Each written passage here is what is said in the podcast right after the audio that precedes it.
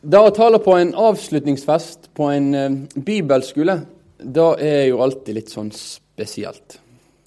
Vi har eh, brukt mye tid sammen i år. Jeg har stått her mye, og det elever har sittet mye rundt omkring på stolene her. Og Da er det flott å få anledning til å dele noe til dere en siste gang. Når et bibelskole går mot slutten, så er det nok litt sånn blanda følelse. For noen så eh, kjenner en kanskje da at det, det, har vært, det, har vært, et fint år, men nå skal det være godt å komme seg tilbake til hverdagen. Få brukt hendene litt og begynne å arbeide litt igjen, og ikke bare sitte i ro hele tida. Eller hva, Arnstein? Ja, ja, ja. Og så er det kanskje andre òg som kjenner på det at eh, jeg skulle ønske at vi kunne vært så mye lenger her. Året har gått så altfor raskt. Jeg skulle ønske at jeg kunne gått på bibelskole til neste år, og året etter der igjen, og året etter der igjen.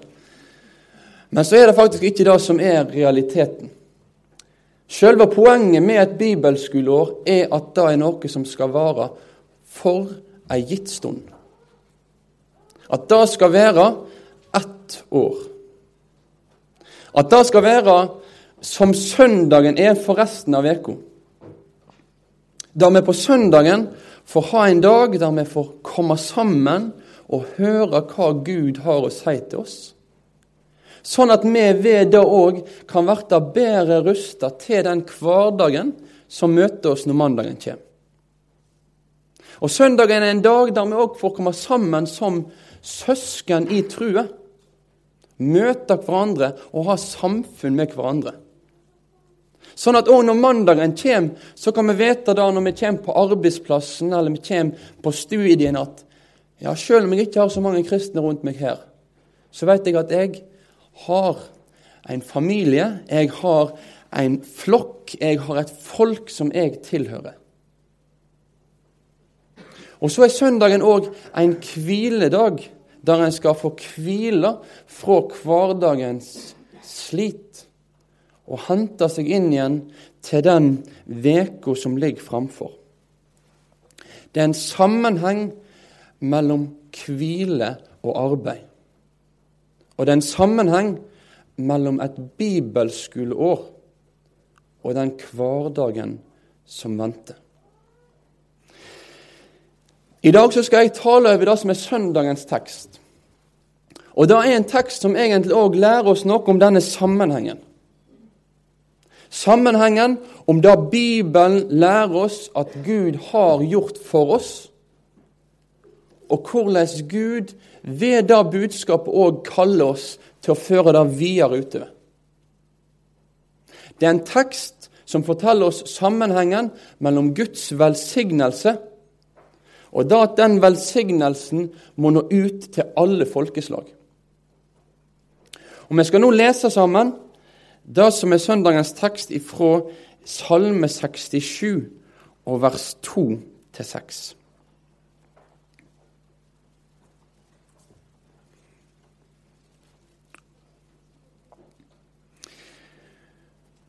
Gud vær oss nådig og velsigne oss. Gud, la sitt andlet lyse for oss. Da skal din veg bli kjent på jorda, de frelse mellom alle folkeslag. Folka skal prise deg, Gud. Alle folk skal prise deg. Lat folkeslag glede seg og juble, for du dømmer folka med rettferd og leier folkeslaga på jorda. Folka skal prise deg, Gud. Alle folk skal prise deg. Amen. For denne eh, salmen som vi nå leser sammen, så er det sånn at vi skal merke oss tre, tre punkt. Først skal vi merke oss det som det står om velsignelsen. Så skal vi gå videre til å se på hva den lærer oss om, om konsekvensene av velsignelsen, eller hvorfor Gud velsigner sitt folk. Før vi til slutt skal rette blikket framover mot den dagen når lovsangen skal runge fra alle folkeslag. Men vi skal begynne med dette som har å gjøre med velsignelsen. Og når jeg las denne teksten her nå, så er det kanskje sånn at en del av dere hørte at her er det noen ord som minner veldig om det jeg har lest andre plasser i Bibelen, eller som jeg ofte har hørt i kristne sammenhenger ellers. I det første verset så står det Gud vær oss nådig og velsigne oss. Gud, la ditt andlet lyse for oss. Dette her er omtrent et direkte sitat ifra det som vi kaller den aronittiske velsignelsen. I 4. Mosebok, kapittel 6 og vers 22 utover, så får Aron, som da var øverstepresten i Israel, han får lagt det oppdraget inn over seg at sånn skal du velsigne israelsfolket. Og så er det da de ordene kommer, der det står Jeg skal ta og lese dem, så får vi dem helt nøyaktig etter sånn som det står skrevet. Herren velsigne deg og vare deg. Herren la sitt andlet lyse over deg og være deg nådig. Herren løfte sitt andlet mot deg og gi deg fred. Sånn skulle Aron få velsigna israelittene. Hva er velsignelse? Hva er det å velsigne, og hva er det å bli velsigna? Det er et sånt fint kristent ord som vi kan slenge rundt oss, og kanskje av og til ikke helt være klar over hva det betyr. Men det ordet velsignelse det er egentlig et ufattelig stort begrep. En helt ufattelig stor ting. Når Bibelen snakker om Guds velsignelse, så snakker han om Guds fokus på sin skapning. Guds oppmerksomhet på sin skapning. At han vil være nær, at han vil gjøre godt mot de som er hans at han ser at han har sitt ansikt retta mot sitt folk, og vil og derfor gjøre det som er godt for hans folk, ut ifra hans gode vilje. Og så er velsignelsen det motsatte av det som, som Bibelen kaller for forbannelse. For forbannelse er òg et begrep som Bibelen forteller oss mye om. Og, og det handler om at Gud forlater, at han er imot og handler etter sin vrede med sin skapning. Nå ber israelsfolket velsign oss Gud. Det er det denne bønnen her går ut på. Herre, vær nådig mot oss og, og velsign oss. Det er en bønn om at du, Herre, du, du må se til oss i vår hverdag, at du må handle med oss etter din gode vilje, Herre. Vær nådig mot oss. Gjør ikke med oss sånn som vi egentlig har fortjent. Men gjør med oss etter din nåde.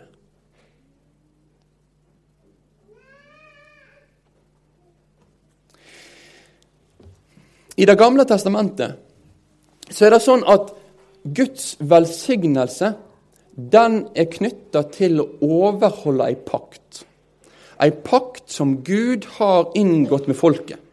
Og I Mosebøkene er beskrevet for oss da at hvis israelsfolket lever i forholdet med Gud, hvis de lever sammen med Han, følger de veiene som Han vil, da vil Han velsigne folket. Men hvis de går bort ifra han, hvis de går på sine avveier, hvis de gjør sånn som de sjøl vil, i stedet for å følge Guds vilje, så kommer de inn under forbannelsen. Inn under Guds straff. Dette står det mye om på slutten av femte Mosebok. Det er to alternativ som blir tegnet opp for israelsfolk i Gammeltestamentet. Vil de leve under forbannelsen? eller vil de leve under velsignelsen? Og Denne radikale motsetningen mellom Guds forbannelse og Guds velsignelse, det er òg noe av det denne teksten forteller deg og meg om. For hvordan er det med Guds velsignelse i dag? Hvordan er det med, med Guds velsignelse av deg og meg? Helt generelt så må vi kunne si at, at Gud har en slags allmenn velsignelse på den måten at han lar sola stå oppe ved både rettferdige og urettferdige, står det i Matteus. Jakobs brev forteller oss om hvordan all god gave er gave fra Gud. Men samtidig så er det sånn at Bibelen forteller deg og forteller meg mye om det vi kaller for åndelig velsignelse. Forteller oss mye om at det er noen konkrete ting som er det viktigste å eie. I Efeserbrevet kapittel 1 og vers 3 så står det at velsigna er Gud, vår Herre Jesu Kristi Far, Han som i Kristus velsigna oss med all Andens velsigning i himmelen. Guds velsignelse, all Åndens velsignelse, som videre i kapittelet blir beskrevet som, som frelse, tilgivelse for synde, barnekår hos Gud, arverett. Da er det den store velsignelsen til sjuende og sist handler om. Det er å tilhøre Gud som hans barn. Hvordan kan jeg og du eie denne velsignelsen? Det er noe av det som vi har prøvd å, å virkelig banke inn i løpet av dette året her. At det er én ting alene som kan medføre da at Gud ikke straffer oss for våre synder, men i stedet for tilgir oss. Og det er det at vi tilhører Jesus.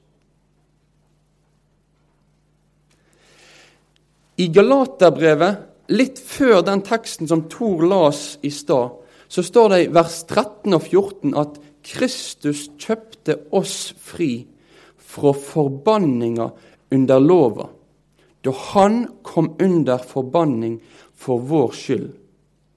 For det står skrevet:" Forbanna er hver den som heng på et tre. Slik skulle Abrahams velsigning komme til folkeslaget i Kristus Jesus, så vi ved trua skulle få anden som var lova. Her er det snakk om en frikjøpelse fra forbannelsen, fra Guds straff. Hvordan skal jeg unnslippe Guds straff? Guds vrede, Guds dom. Hvordan kan du gjøre det?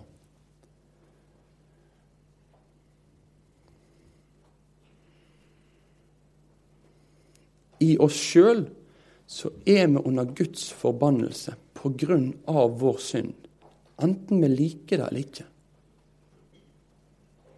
Det er faktisk Bibelens harde realitet. Og et bibelskoleår, et bibelskolevitnemål, kan ikke lappe noe på det. Det at barna dine har gått på en bibelskole, kan ikke lappe noe på det.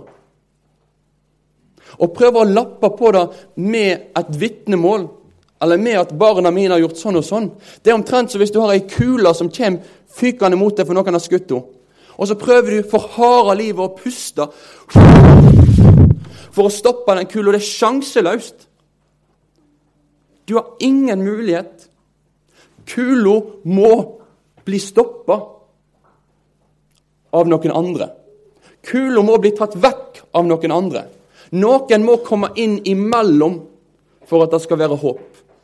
Og det er da Bibelen forteller oss om at Jesus har gjort for deg og for meg. At han kom inn mellom at han kom inn og tok den straffa som vi fortjente. sånn at vi i Han kunne få eie Guds velsignelse, Guds velbehag, Guds gode omsorg. Dette her er det sentrale budskapet. At det er i Jesus Kristus du får eie frelsens velsignelse.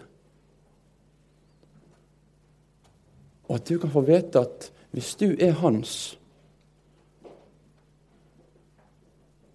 så vil òg Gud velsigne deg. Det betyr på ingen måte et lett liv.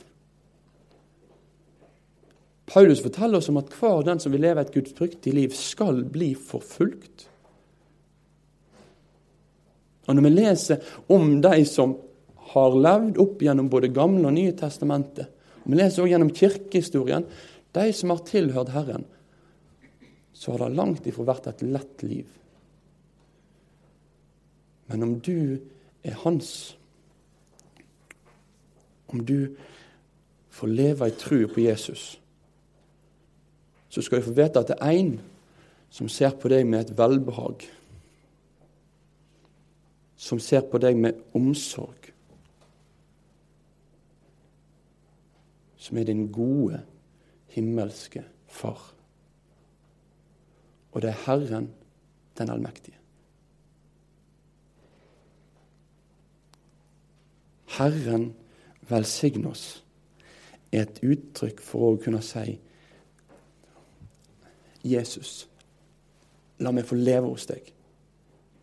For borte fra deg så er jeg sjanseløs.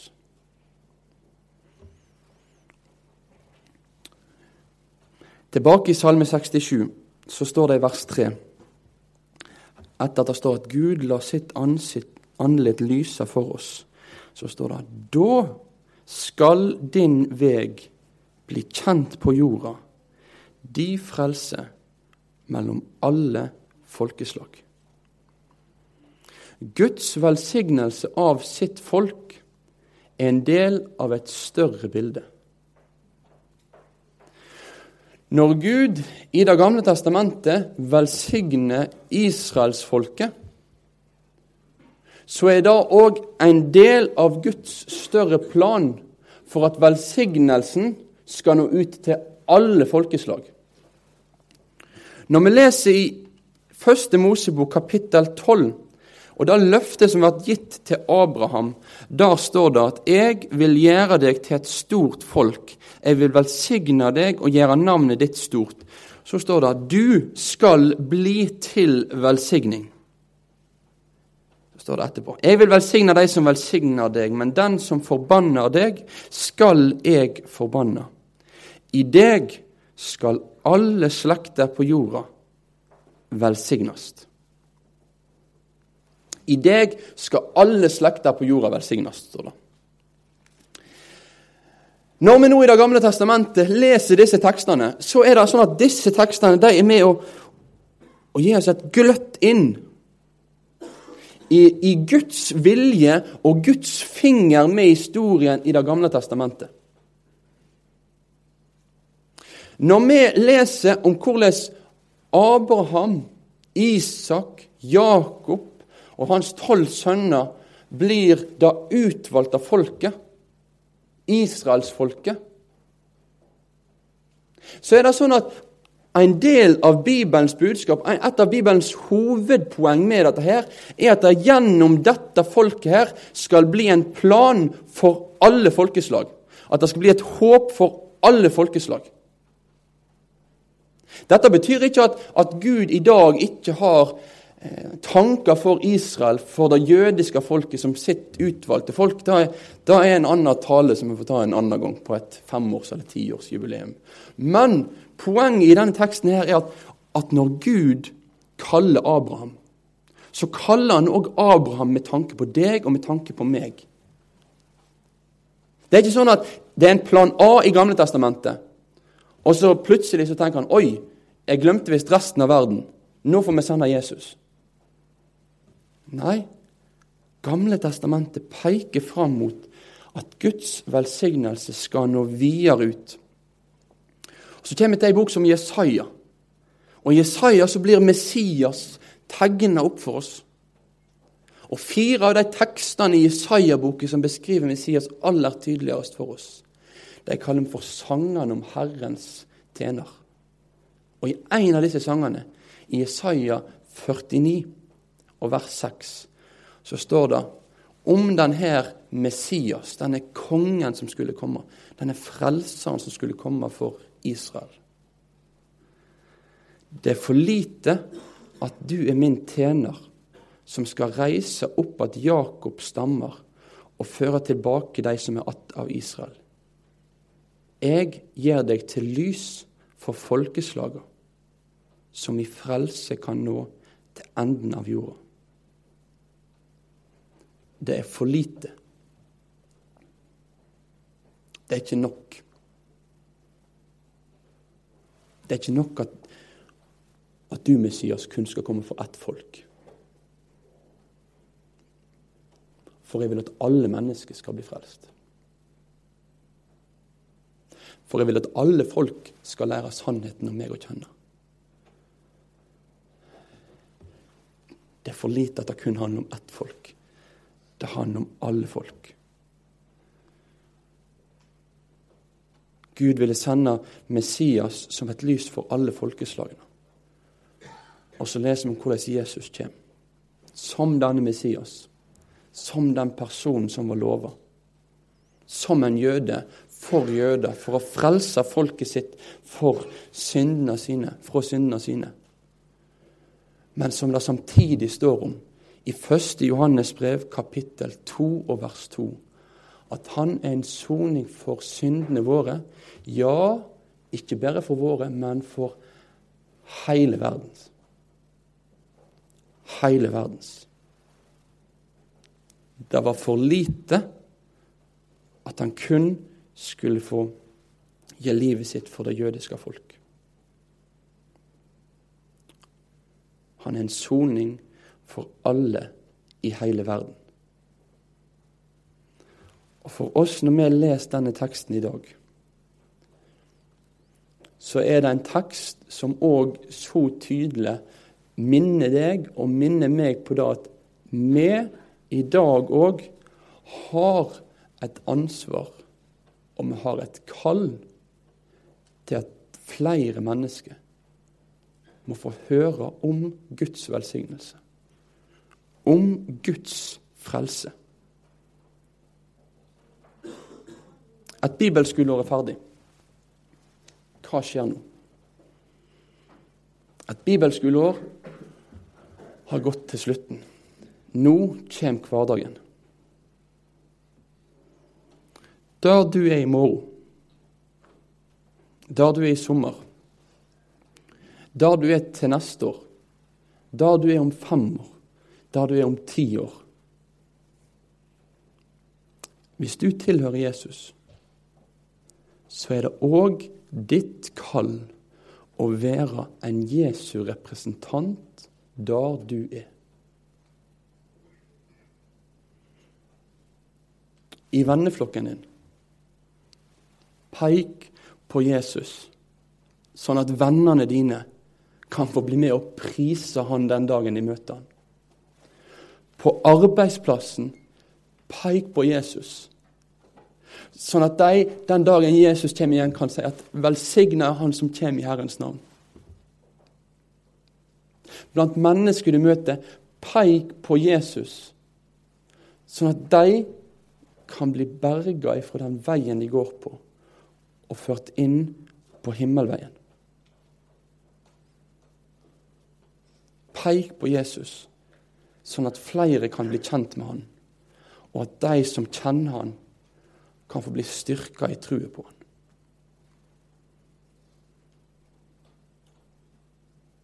Har du noen gang tenkt over hvorfor det ikke er sånn at i dag et menneske blir en kristen, så plutselig så rykker Gud av mennesket til himmelen?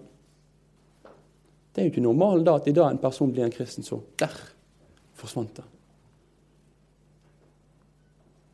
Ja, disse tekstene her forteller oss noe om at Gud kaller Og Gud vil at vi skal få være med og gi videre det vi sjøl har fått. Og Det er jo det vi håper etter et bibelskuleår. At de har fått noe fra Bibelen som det kan bringe videre. Og så må jeg samtidig si dette her. Og det er kanskje det som jeg har blitt aller mest grepet av når jeg har jobbet med dette. her. Det er faktisk at hvis vi tar disse ordene her inne med oss, så er det òg for lite at vi bare er Jesu vitne i vårt nærmiljø. Så er faktisk det for lite. For da at det er så mange mennesker som bor på plasser i verden der de aldri har fått anledning til å høre et eneste ord om at Jesus eksisterer. Om at han elsker dem, at han har gitt livet sitt for dem, at han har sona deres synder.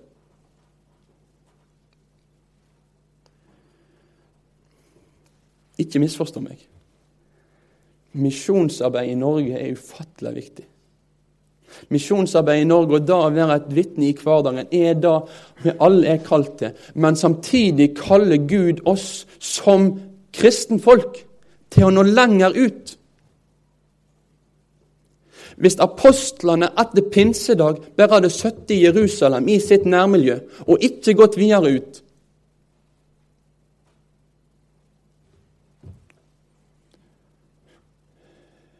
Da hadde ingen av oss fått hørt om Jesus. Hvis ikke en hadde begynt å sende misjonærer til Kina, til Etiopia, til Madagaskar, til Nepal, til Sør-Amerika Hvis en ikke hadde gjort det, så hadde ikke mennesket fått hørt om Jesus der. eller?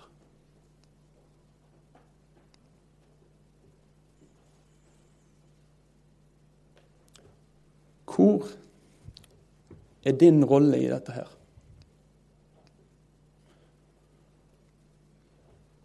Hvor er din rolle i dette her? Er du blant de som skal være med og be, støtte, eller er du en av de som sjøl skal bryte opp fra det trygge, fra det sikre, fra det du er vant med? For at alle folkeslag skal få høre om Jesus.